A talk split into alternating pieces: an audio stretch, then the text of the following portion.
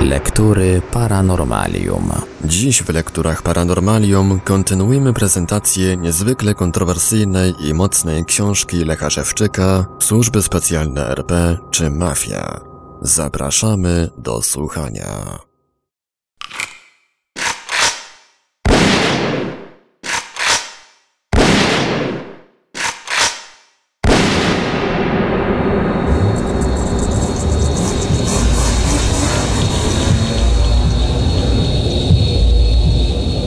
Nowi barbarzyńcy, zwani już urzędnikami ochrony państwa, doszli do stwierdzenia, że komuchy nie umieli zmusić mnie do poddaństwa, za to oni, barbarzyńcy lepszej kategorii, na pewno to osiągną. Zaczęli więc kolejno wałkować te same represje, barbarzyństwa, dokładając wraz z głupotą wciąż następne, według tych samych instrukcji. W miarę braku sukcesów, ze wściekłości, przystąpili do oficjalnego robienia ze mnie wariata. Zastosowali przy tym obie metody. Jedną sztuczną, poprzez faszerowanie mnie środkami psychotropowymi i nakładanie programów, powodujących psychotyczne nawyki, sposób zachowania i wygląd. Metoda ta wprawdzie nie trwała, bo stan psychotyczny wraca do normalnego z ustaniem działania środka psychotropowego lub programu, ale jednak uciążliwa, bo daje skutek natychmiastowy. Natomiast druga zastosowana przeciwko mnie metoda, mimo że rozłożona w czasie, to jednak jest bardziej barbarzyńska, bo przynosi skutki trwałe. Powrót do stanu normalnego wymaga wówczas przeprowadzenia odpowiedniej kuracji. Przede wszystkim powodują to poprzez stałe utrzymywanie wypaczających mi psychikę programów, w tym otępienie, zmianę nawyków i upodobań z dobrych na złe.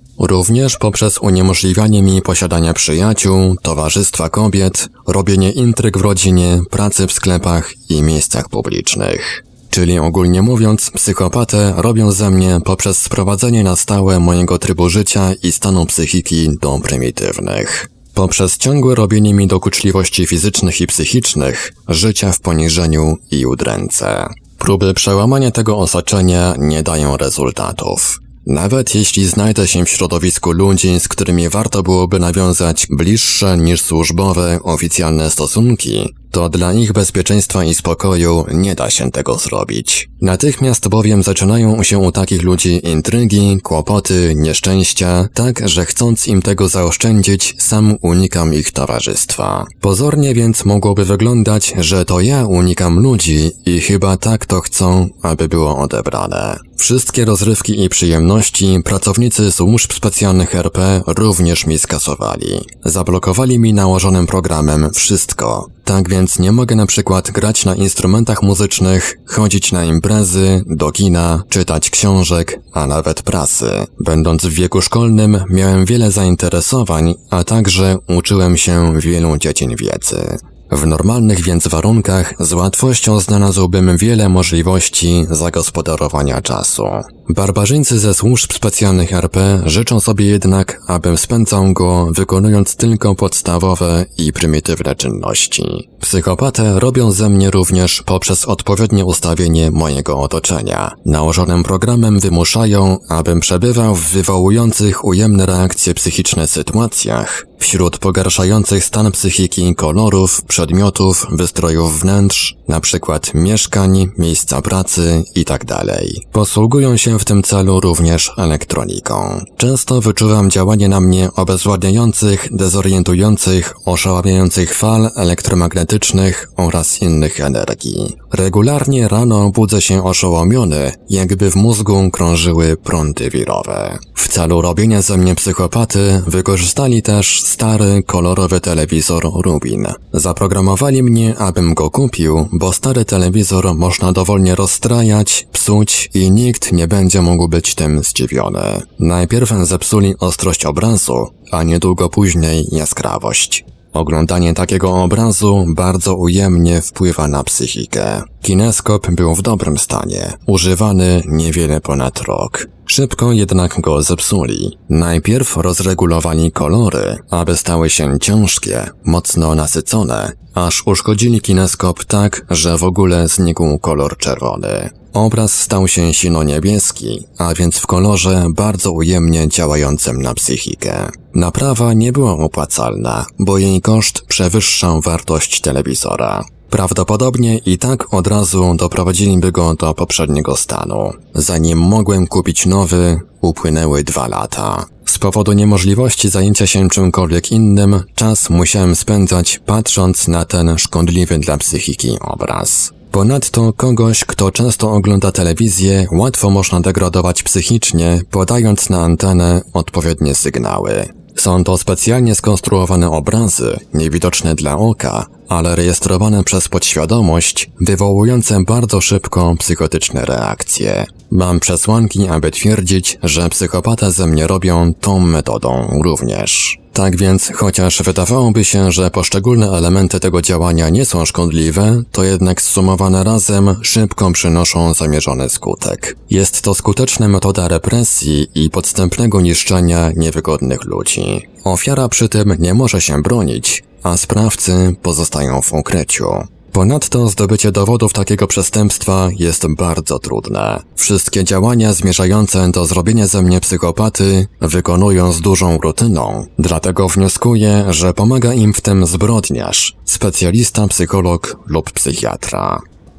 Uzyskując na skutek podanych działań pewne u mnie objawy psychotycznego zachowania, urzędnicy ochrony państwa zbierają na mnie dowody, które miałyby podważyć wiarygodność podanych przeze mnie informacji. Mimo, że napracowali się sporo, to jednak daleko mi jeszcze do ich poziomu, do posiadanych przez nich patologicznych skłonności do mordowania, sadyzmu i uprawiania zwyrodniałych spoczeń. Niewątpliwie w robieniu z ludu wariatów pracownicy służb specjalnych RP są najlepiej wyszkoleni w świecie. Głównie z uwagi na posiadanie dowolnej ilości materiału doświadczalnego w postaci pozbawionych ochrony Polaków. Z różnych powodów zrobili wariatów i osadzili w szpitalach psychiatrycznych wiele tysięcy ludzi. W tym blisko 30 tysięcy przetrzymują w nich siłą. Z końcem 1991 roku urzędnicy ochrony państwa przeprowadzili bardziej radykalne działania celem ośmieszenia mnie jako psychopatę i wariata. Zaczęły się wtedy odpowiednie dyskusje, prowokowane przez konfidentów na ten temat wśród znajomych, w tym w miejscu pracy. Nachodzili też ludzi poza miejscem pracy pod pozorem robienia o mnie wywiadu środowiskowego. W trakcie tych wywiadów, zamiast słuchać, co ludzie chcą na mój temat powiedzieć, to sami naprowadzali ich, sugerowali im, co mają mówić. Jednym z pierwszych zdań było: Kto to jest ten pan X? To na pewno wariat. Czy pan, pani nie zauważył, jak zachowuje się nienormalnie? Także inne pytania w podobnym stylu. Zauważyłem też, że konfidenci, w tym w miejscu pracy, uważnie mi się przyglądają. Przypuszczałem, że to w związku z zauważalnymi już skutkami robienia ze mnie psychopaty. Mają zadanie wychwycić zasugerowane im szczegóły w moim wyglądzie, wyrazie twarzy i sposobie zachowania oraz składać w tej sprawie pisemne raporty. Byłoby to podstawą dla wszczęcia postępowania prokuratorskiego przeciwko mnie celem ubezwłasnowolnienia. Minęło dużo czasu i żadne oficjalne czynności nie zostały przeciwko mnie przeprowadzone. Doszedłem więc do wniosku, że sami bardziej boją się procesu niż ja. To oni są przestępcami, a ja ofiarą i wszelkie manipulacje mogłyby się obrócić przeciwko nim. Cel tych działań jest więc inny. Po prostu po każdej porcji represji badają jakie są tego wyniki i być może sporządzali z nich stosowne instrukcje.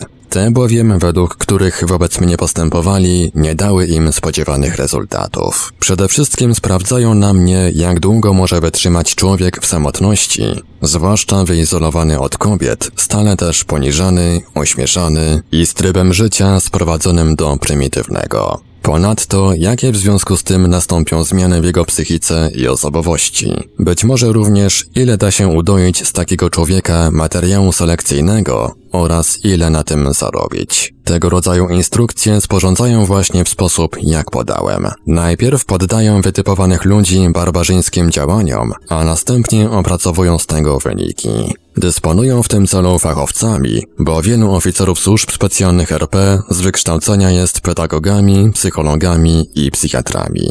Wyuczoną wiedzę używają do uprawiania barbarzyństwa. Zebrany materiał służy im jako instrukcja postępowania przeciwko niewygodnym im ludziom. Wtedy nie muszą myśleć, lecz w zależności od celu, który chcą osiągnąć, postępują z ofiarą według stosownej instrukcji. Sprzedają te instrukcje również służbom specjalnym cywilizowanych krajów, w których są władze i nie można przeprowadzać barbarzyńskich doświadczeń na ludności. W krajach tych używają je przy postępowaniu ze szpiegami, zdrajcami narodu i kraju i zwyrodniałymi przestępcami. W podobny sposób jak podałem, pracownicy służb specjalnych RP opracowują wyniki testowania na ludziach środków chemicznych, biologicznych i psychologicznych. Również dużo zarabiają sprzedając wyniki tych testów na użytek cywilizowanych krajów. Widząc nieskuteczność prowadzonych na mnie represji, urzędnicy ochrony państwa nasilili barbarzyńską działalność na mojej rodzinie, głównie na rodzicach. Straszą często przy tym, że ich zamordują, bo już są w stosownym do odstrzału wieku. Zbrodnie takie popełniają bronią psychologiczną, powodując najczęściej zawał serca lub wylew krwi do mózgu. Daje to pozory, że śmierć nastąpiła z przyczyn naturalnych. Przede wszystkim, podobnie jak ze mną, robią z moich rodziców wariatów. Prawdopodobnie dlatego, bo ci, którzy to robią, zauważyli, że w ich rodzinach wszyscy, tak jak oni, mają odchylenia psychiczne. Biorąc przykład z tej prawidłowości genetycznej, postanowili więc, że jeżeli ja mam być uznany za wariata, to będzie bardziej przekonywujące, jeżeli i z moich rodziców zrobią wariatów. Mścić się na starych, bezbronnych ludziach za swoją nieudolność i głupotę mogą tylko osobnicy wyjątkowo zwyrodniali i prymitywni. Dla zaspokajania swojej wściekłości, dokuczając mojej rodzinie, wykorzystując nawet pogotowie ratunkowe. Widocznie doszli już do wniosku, że jeżeli nie uda im się zamordować mnie, to cała ich wieloletnia barbarzyńska robota obróci się przeciwko nim. Napracowali się, aby zrobić dowody obciążające mnie, a w rzeczywistości zrobili je na siebie. Lista barbarzyństw popełniona na mnie i mojej rodzinie jest długa. W niniejszej publikacji podałem tylko nieliczne tego przykłady. Być może w przyszłości uda się ujawnić więcej, bo jest to problem wielu ludzi w Polsce. Warto przecież więcej wiedzieć, w jaki sposób pracownicy służb specjalnych RP oraz ich dysponujący bronią psychologiczną gapusie zaspokajają swoje choroby psychiczne na bezbronnych, uczciwych ludziach. Między innymi to za taką właśnie pracę biorą od społeczeństwa pensje i to jedne z najwyższych w Polsce. Kilkakrotność średniej krajowej. Po tym, jak urzędnicy ochrony państwa, głównie z wywiadu RP, nasilili barbarzyńskie działania, aby zrobić ze mnie psychopatę i postarali się, aby ludzie wokół za takiego mnie uważali, postanowiłem poczynić działania obronne. W porównaniu ze zorganizowaną mafią państwową możliwości miałem skromne, ale coś jednak dało się zrobić. Zdecydowałem ujawnić, że to ci w służbach specjalnych RP, którzy usilnie robią ze mnie wariata, sami są psychicznie chorzy. Jeżeli więc szukają wariatów, to niech popatrzą wzajemnie na siebie, albo rozejrzą się w swoich rodzinach, to też znajdą ich wielu. Znosiłem to nałożone mi barbarzyńskie piętno i tak bardzo długo, bo przez pięć lat. Pierwsze pismo, w którym ujawniłem stosowne informacje na ten temat, napisałem dopiero 4 grudnia 1991 roku. Wraz z innymi rozpowszechniałem je w instytucjach krajowych i zagranicznych. Ryzykowałem, że będę miał z tego powodu kłopoty, na przykład dochodzenie, śledztwo, proces sądowy itd., tak ale jednak nic takiego się nie stało. Widocznie doszli do wniosku, że prawdę wolno ujawniać, a wszelkie dochodzenie w tej sprawie doprowadziłoby tylko do potwierdzenia podanych informacji. Tak więc dalej chowają się przede mną, udając, że nic na ten temat nie wiedzą. Nasilili jednak barbarzyńską działalność na mnie i mojej rodzinie, używając przy tym broni psychologicznej, metod i środków operacyjnych. Wszystkie więc informacje na temat chorób psychicznych pracowników służb specjalnych RP rozpowszechniam tylko dlatego, aby bronić się przed robieniem ze mnie wariata. W cywilizowanych krajach, tam gdzie są władze i urzędy, w których każdy obywatel uzyska pomoc, gdy popełnione zostanie przestępstwo, nikomu nawet nie przyszłoby na myśl, aby poniżać, ośmieszać, robić wariatów z wykształconych, przestrzegających prawo ludzi. Każdy z takich ludzi, zanim uzyska dyplom, musi przejść przez wiele egzaminów, nałożonych mu barier, posiadać właściwy poziom intelektualny i osobowości. Człowiek taki staje się dobrem narodowym, które trzeba szanować i chronić, tym bardziej jeżeli wyuczy się za pieniądze społeczeństwa. Jest on wizytówką uczelni, którą ukończył, a ta, dając mu dyplom, poręcza, że jest to człowiek na wysokim poziomie. Jeżeli ktoś chciałby ośmieszyć takiego człowieka, to tak jakby chciał ośmieszyć uczelnię, którą ukończył. Podobnie jest w Polsce. Ludzie zdobywający wyższe wykształcenie mają postawione pewne wymogi, przez które muszą przejść, zanim dostaną dyplomy. Nauczyciele akademiccy, a także inni zatrudnieni przy tym ludzie zwracają uwagę nie tylko na wiedzę fachową studiujących, ale także jak się wysławiają, zachowują i jaki prowadzą tryb życia. Jest tak dlatego, bo ludzie ci też stają się wizytówką uczelni, które ukończyli, jak również całego narodu. Dodam przy tym, że studia ukończyłem z wynikiem ogólnym dobrym.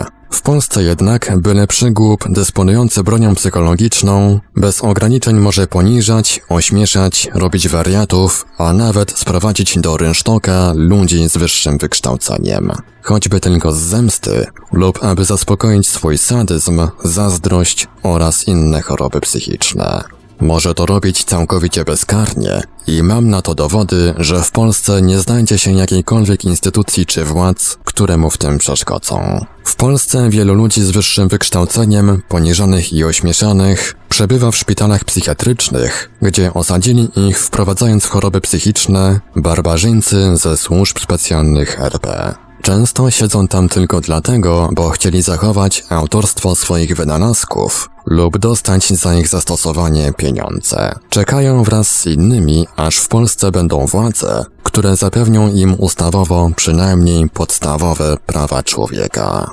Rozdział czwarty. Służby specjalne, a wymiar sprawiedliwości. Sprowadzanie mnie z ubóstwa w nędzę było ważnym celem, który chcieli osiągnąć wplątani w tę aferę pracownicy służb specjalnych RP zwłaszcza w czasie dwóch pierwszych lat po moim powrocie z RPA do Polski. Szczęście moje polegało na tym, że pracownicy ci chcieli zachować pozory, że stało się to z przyczyn obiektywnych. Trzeba więc było na to dużo czasu, a ten w tym chociaż względzie podziałał na moją korzyść. Tak więc gdy nie udało się zwolnić mnie z pracy na skutek łamania mi palców, posłużyli się jeszcze bardziej barbarzyńską metodą. Któregoś dnia obudziłem się rano i stwierdziłem, że czuję się jakbym posiadał tylko część świadomości. Wszystko stało się dla mnie ponure, obce, trudne do zrozumienia. Stan ten mógł powstać tylko w jeden sposób. Zostałem otępiony którąś z metod operacyjnych przez wplątanych w tę aferę pracowników służb specjalnych RP.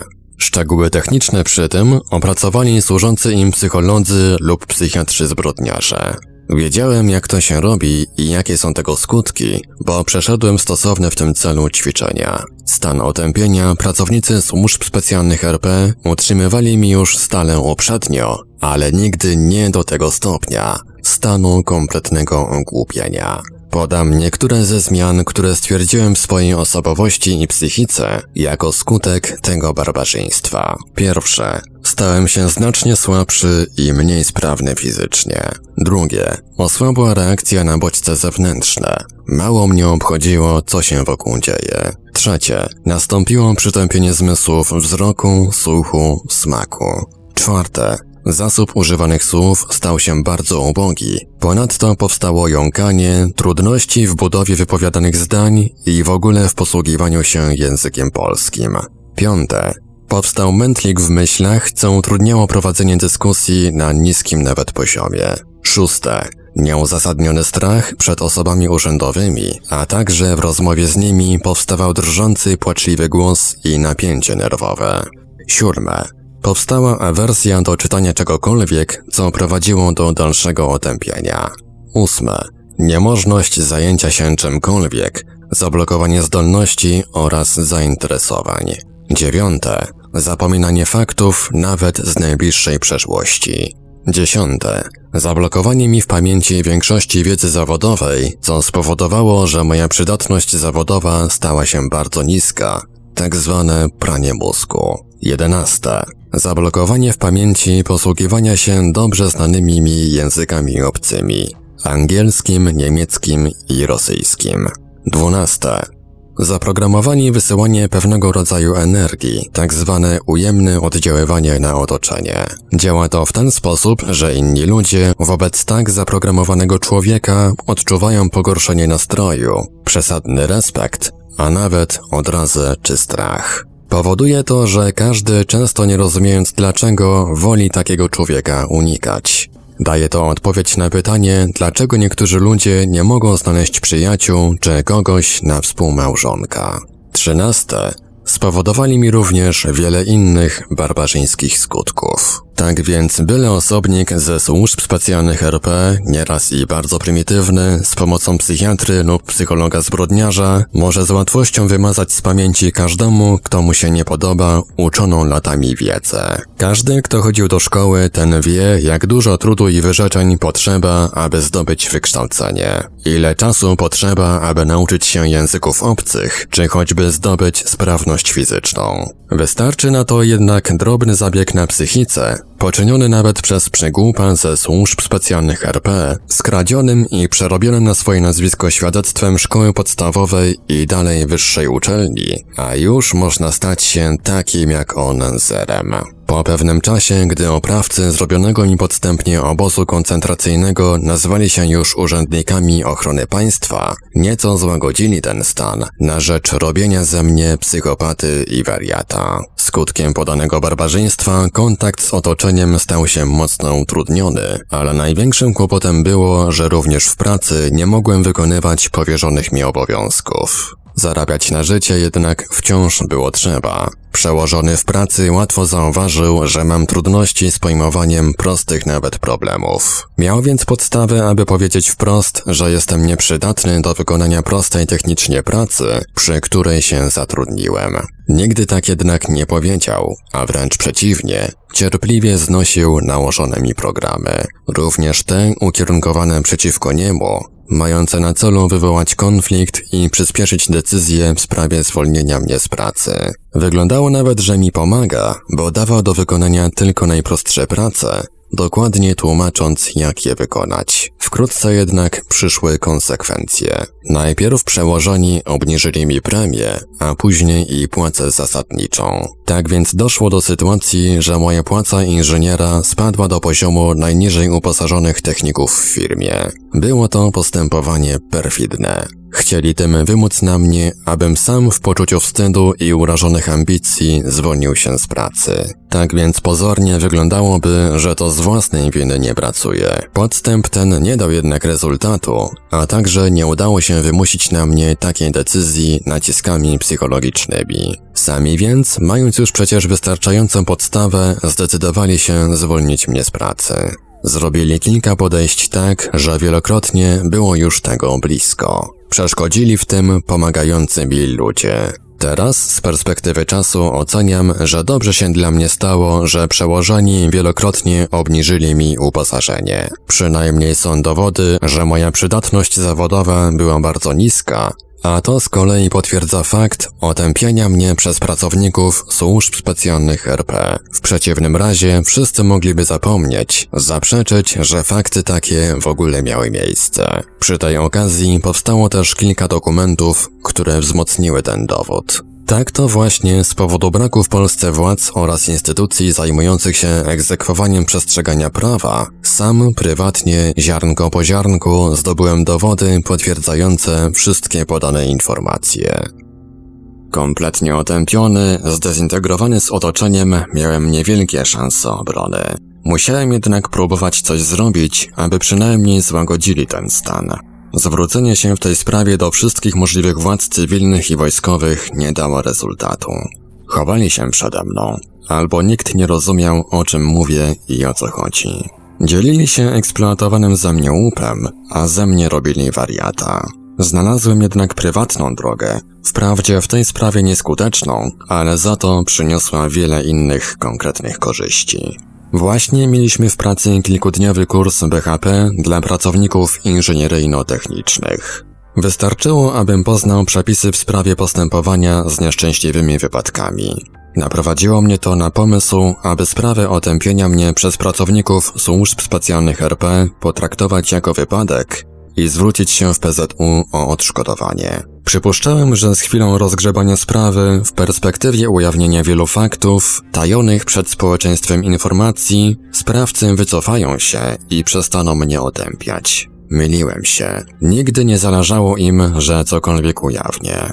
Bardziej od swoich tajemnic cenią sobie satysfakcję z uprawienia na mnie barbarzyństwa. Ponadto nie zdawałem sobie jeszcze wówczas sprawy, jak dobrze jest zorganizowana i powiązana ze wszystkimi instytucjami państwowymi mafia działająca na bazie służb specjalnych RP. Udaremnić więc wszystkie moje starania zmierzające do uzyskania praw człowieka było dla nich drobiazgiem.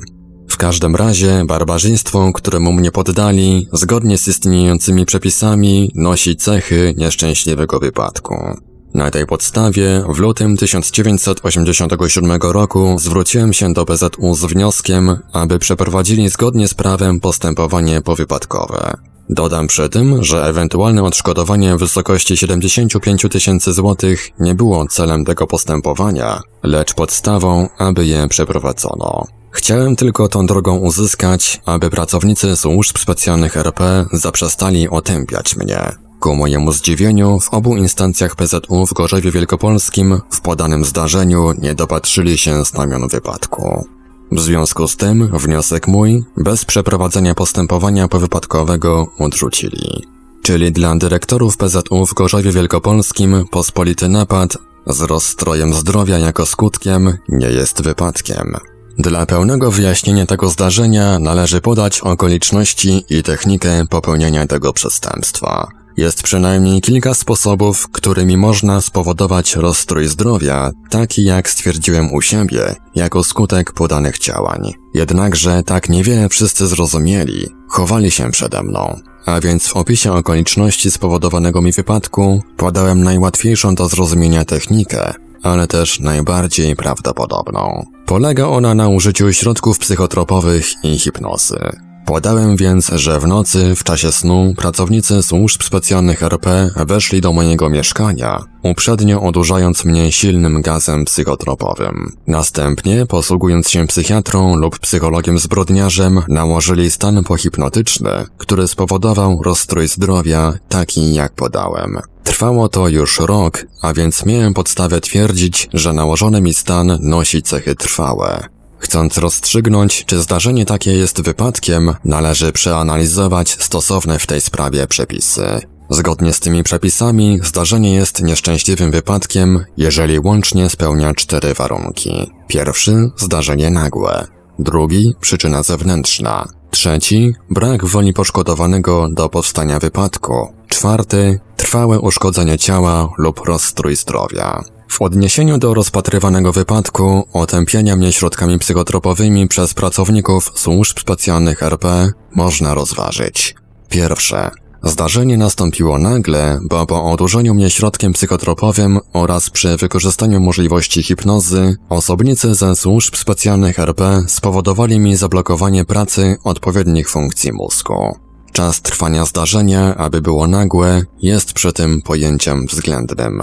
Może trwać bardzo krótko, przykład postrzał z broni palnej, lub znacznie dłużej, przykład gdy człowiek będzie torturowany przez godzinę. W obu przypadkach jest to zdarzenie nagłe, kwalifikujące się jako nieszczęśliwy wypadek. Drugie. Przyczyna zewnętrzna, bo rozstrój zdrowia spowodowali celowym działaniem pracownicy służb specjalnych RP, czyli powstał spoza organizmu. Przyczyna wewnętrzna to taka, która powstanie z organizmu poszkodowanego. Na przykład na skutek choroby amputuje się rękę, kobieta poronie ciążę lub wypadną włosy. Trzecie. Wypadek powstał wbrew mojej woli, bo na pewno nie zleciłem tego zrobić pracownikom służb specjalnych RP. Warunek ten nie byłby spełniony, gdyby ktoś z własnej woli okaleczył się, aby na przykład uniknąć pójścia na wojnę. Czwarte. Odnośnie tego warunku, a więc czy na skutek podanego zdarzenia nastąpiły w moim organizmie trwałe uszkodzenia lub rozstrój zdrowia, tak jak to stwierdziłem, powinni wypowiedzieć się lekarze. Jednakże ani z PZU, ani też z sądu w Gorzowie Wielkopolskim nie chcieli skierować mnie na badania lekarskie. W ten sposób obie te instytucje skutecznie chroniły sprawców oraz uniemożliwiały uzyskanie autorytatywnych dowodów tego barbarzyństwa. Dowodami przede wszystkim są skutki powypadkowe, czyli uszkodzenia ciała lub powstały rozstrój zdrowia. Skutki te ustala komisja lekarska w składzie ustalonym przez PZU na podstawie wyników zleconych badań. Czyli na przykład przy złamaniu ręki dowodami zaistnienia wypadku będą zdjęcie rentgenowskie oraz orzeczenie lekarza. To w jaki sposób przebiegł wypadek jest mało istotne. Może bowiem i tak się zdarzyć, że przy wypadku nie było świadków, a poszkodowany w ogóle nie potrafi podać jego przebiegu. Na przykład, gdy zaśnie za kierownicą, ulegnie wypadkowi, a przytomność odzyska dopiero w szpitalu. Może też być takie zdarzenie, że kilku pracowników służb specjalnych RP obije po głowie gumowymi pałkami śpiącego człowieka, a ten po odzyskaniu przytomności nie będzie wiedział, co się stało. Stwierdzi jednak skutki identyczne, które powstały u mnie. Mimo więc, że na zewnątrz nie będzie śladów, to jednak dowody takiego barbarzyństwa można uzyskać, choćby poprzez przeprowadzenie odpowiednich badań lekarskich. Może też być i tak, że nie było świadków przy wypadku, a poszkodowany podaje inny niż rzeczywisty jego przebieg. Był bowiem jego sprawcą i chce uniknąć odpowiedzialności. W takich przypadkach należy uznać jego wersję albo udowodnić, że było inaczej. Zgodnie bowiem z przepisami, w kwestiach spornych, gdy nie ma innej możliwości, żeby ustalić okoliczności, przyczyny i przebieg wypadku, wiarę należy dać poszkodowanemu. Trzeba więc uznać za były taki przebieg wydarzeń, jak to podał poszkodowany. Podam przykład. Poszkodowany w czasie zaistnienia wypadku był pod wpływem alkoholu, ale twierdzi, że był trzeźwy. Jeżeli nie potrafi się udowodnić, że pił alkohol, bo nie przeprowadzono badań krwi oraz nikt tego nie potwierdza, to należy uznać, że był trzeźwy.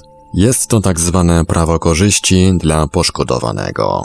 Zgodnie więc z podaną analizą przepisów, zdarzenie otępienia mnie środkami psychotropowymi nosi wszystkie znamiona wypadku. Miałem więc pełne prawo zwrócić się do PZU, aby przeprowadzono postępowanie powypadkowe. Dokładne uzasadnienie roszczeń podałem w obszernych pismach adresowanych do PZU, a później sądów wszystkich instancji. Jak też wynika z przepisów, nie było istotne, gdyby nawet w PZU nie zrozumieli w jaki sposób pracownicy służb specjalnych RP spowodowali ten wypadek. Zobowiązani byli uznać podane przeze mnie okoliczności i przebieg wypadku. Chyba, że chcieliby podważyć moje zeznanie i udowodnić, że kłamie, lub że podany rozstrój zdrowia powstał w innych okolicznościach. Przede wszystkim jednak obowiązkiem PZU było skierować mnie na swoją komisję lekarską, która po analizie dowodów zebranych z przeprowadzonych badań stwierdziłaby lub nie zaistnienie wypadku. Tego jednak nie chcieli zrobić. Także później sądy RP, w obawie, że uda mi się udowodnić barbarzyństwa popełniane na ludności przez pracowników służb specjalnych RP.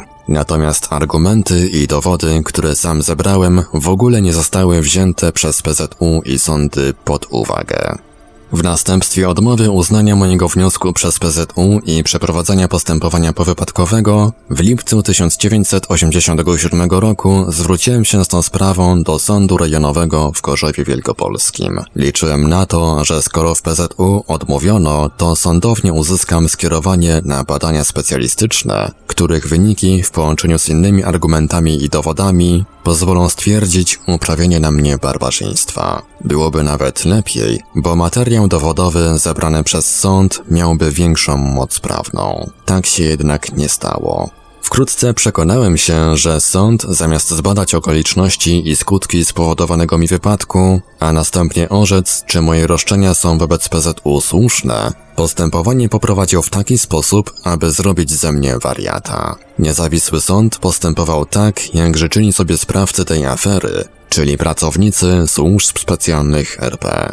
Pierwsza rozprawa odbyła się całkiem zwyczajnie. Zespół sędziów pod przewodnictwem SSR Henryki Wysłuchał racji stron, po czym postanowił, zgodnie też z moim oczekiwaniem, skierować mnie na badania specjalistyczne. Pierwszy miał je przeprowadzić biegły psychiatra. Przeczułem podstęp, bo wydało mi się bardziej prawidłowo zacząć od psychologa, który na podstawie przeprowadzonych testów łatwo mógłby stwierdzić stan otępienia. Jeżeli jednak sąd zadecydował, że ma to być psychiatra, to trzeba było się temu podporządkować. Zostałem przy tym poinformowany, że dostanę w tej sprawie zawiadomienie pocztą. Mijały miesiące, a zawiadomienie nie przychodziło. W międzyczasie doręczyłem w sądzie pisma, którymi uzupełniłem informacje na temat sprawy. Po długim czasie, gdy ponownie przeczytałem te pisma, wyraźnie zauważyłem, że w trakcie ich pisania byłem otępiony i manipulowany. Jak wnioskowałem, pracownicy służb specjalnych RP chcieli w ten sposób wymusić, abym sam się poniżał i ośmieszał. Jakoś nie zauważyli przy tym, że w ten sposób sami zrobili dowody programowania i otępiania mnie.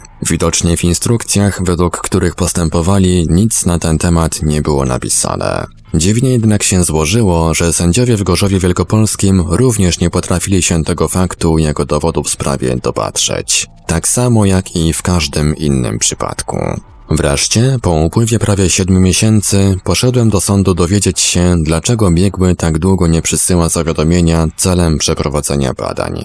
Nikt jednak w sądzie nie potrafił mi udzielić na ten temat odpowiedzi. Postanowiłem więc przejrzeć przynajmniej akta sprawy w nadziei, że może tam znajdę wyjaśnienie powodu zatrzymania działań procesowych. Miałem prawo wglądu do akt, a więc jedna z referentek wręczyła mi stosowną teczkę. Zwróciło moją uwagę, że teczka jest postrzępiona, do połowy w zgięciu rozdarta, jakby jej zawartość przeglądały setki osób.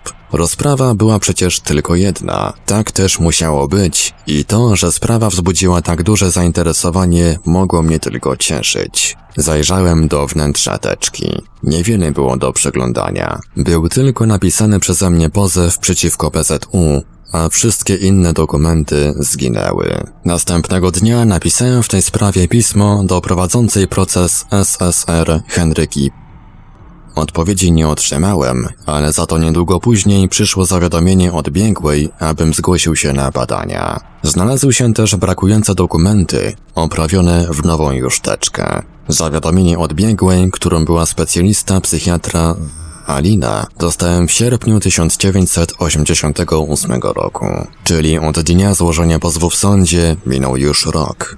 Na kopercie, w której biegła przysłała zawiadomienie, widniała pieczęć szpitala psychiatrycznego w Gorzowie Wielkopolskim. To w celu, aby ludzie, przez których ręce przeszło, mogli już snuć odpowiednio odnośnie mnie domysły. Zaintrygowany tym brakiem dyskrecji, postanowiłem zasięgnąć w tej sprawie informacji. Tym bardziej, że korespondencja ta nie dotyczyła szpitala. Biegła chciała tylko wykorzystać wolny czas dla tej sprawy podczas pełnienia dyżuru w izbie przyjęć szpitala. Z ustalonych informacji wynikało, że szpital prowadząc korespondencję nigdy nie umieszcza pieczęci na kopercie.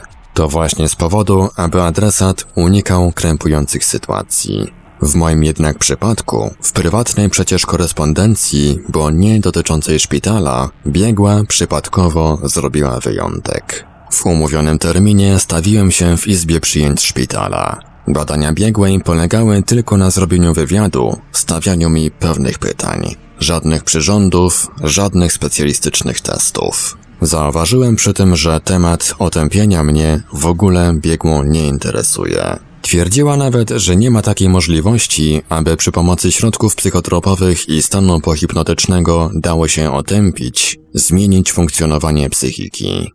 Wyraźnie traktowała mnie jak pacjenta, u którego ma ustalić chorobę psychiczną. Nawet nie brała pod uwagę, że sprawcami jakichkolwiek działań przestępczych mogliby być pracownicy służb specjalnych RP. Po zakończonej rozmowie uzgodniliśmy, że przyjadę na badania raz jeszcze za dwa tygodnie. Zrozumiałem, że wpadłem w pułapkę.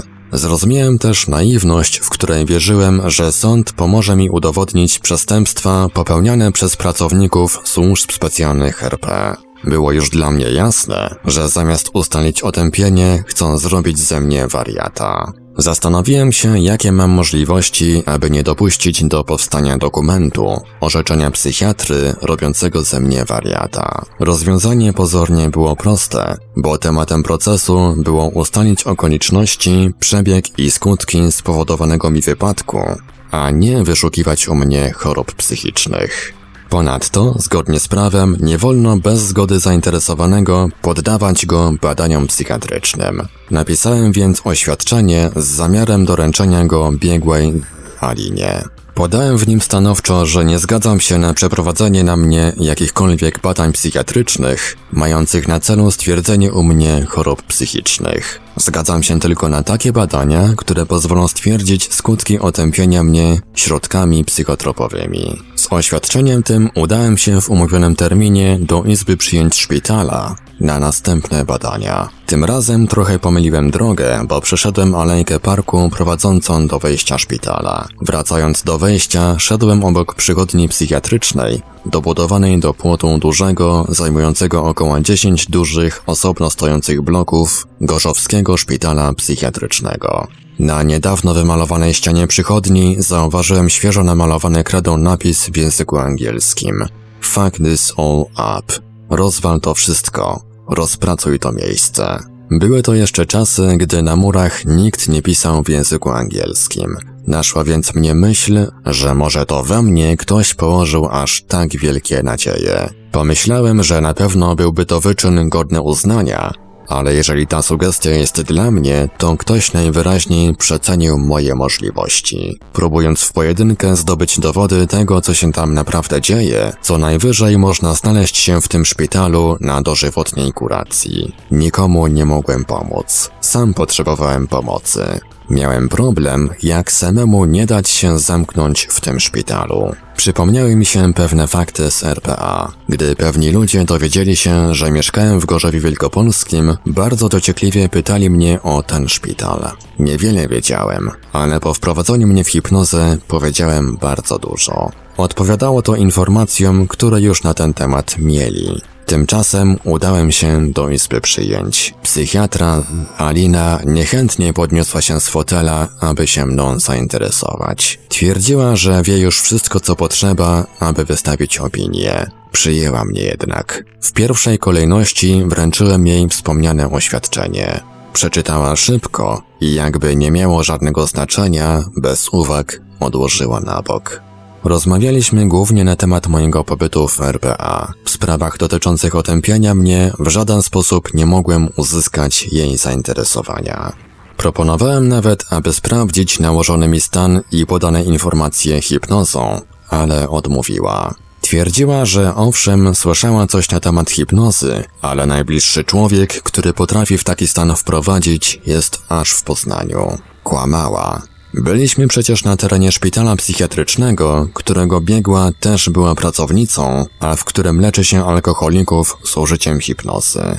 Ponadto w miejskim szpitalu lekarze anestezjolodzy używają hipnozy przy operacjach. Zauważyłem, że rzeczywiście byłem dla psychiatry Aliny małym, otępiałym chłopczykiem, któremu łatwo wmówić chorobę psychiczną. Tak jej powiedzieli ci, którzy ją wplątali w tę aferę. Na zakończenie badań zaproponowała nawet, że mogę zgłosić się do niej. To będzie mnie leczyć. Powinna lepiej spędzić ten czas na podniesienie swoich kwalifikacji, przede wszystkim z tematu hipnozy i działania środków psychotropowych. Wyszedłem pełen złych przeczuć. Przewidywałem już, jaka będzie opinia biegłej. Mogłem jednak tylko czekać na dalszy bieg wydarzeń. Znacznie później, gdy urzędnicy ochrony państwa umniejszyli nałożone mi otępienie na rzecz robienia ze mnie psychopaty, zauważyłem pewien szczegół. Otóż według czasu, który przebywałem z biegłą, wynikało, że było to dwa razy po prawie dwie godziny.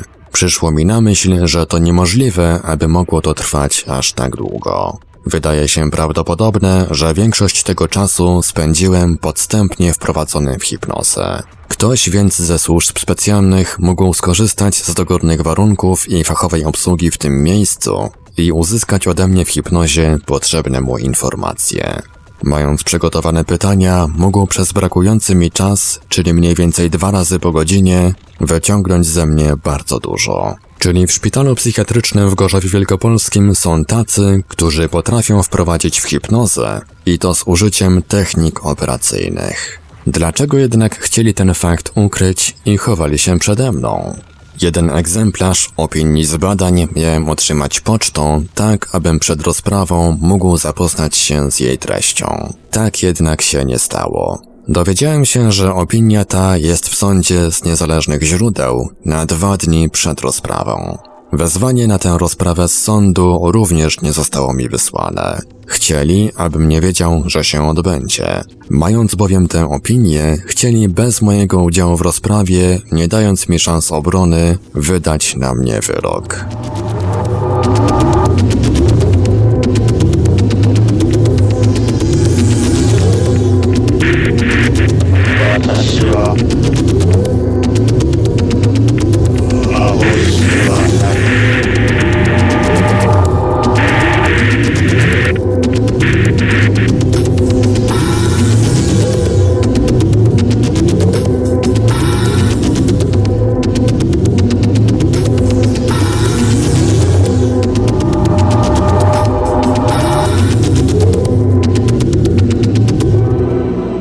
Paranormalium zaprezentowaliśmy fragment książki Lecha Szewczyka Służby Specjalne RP czy Mafia. Dalszy ciąg w kolejnym odcinku Lektur Paranormalium. Archiwalne odcinki Lektur Paranormalium znajdziesz do pobrania w archiwum naszego radia na stronie www.paranormalium.pl.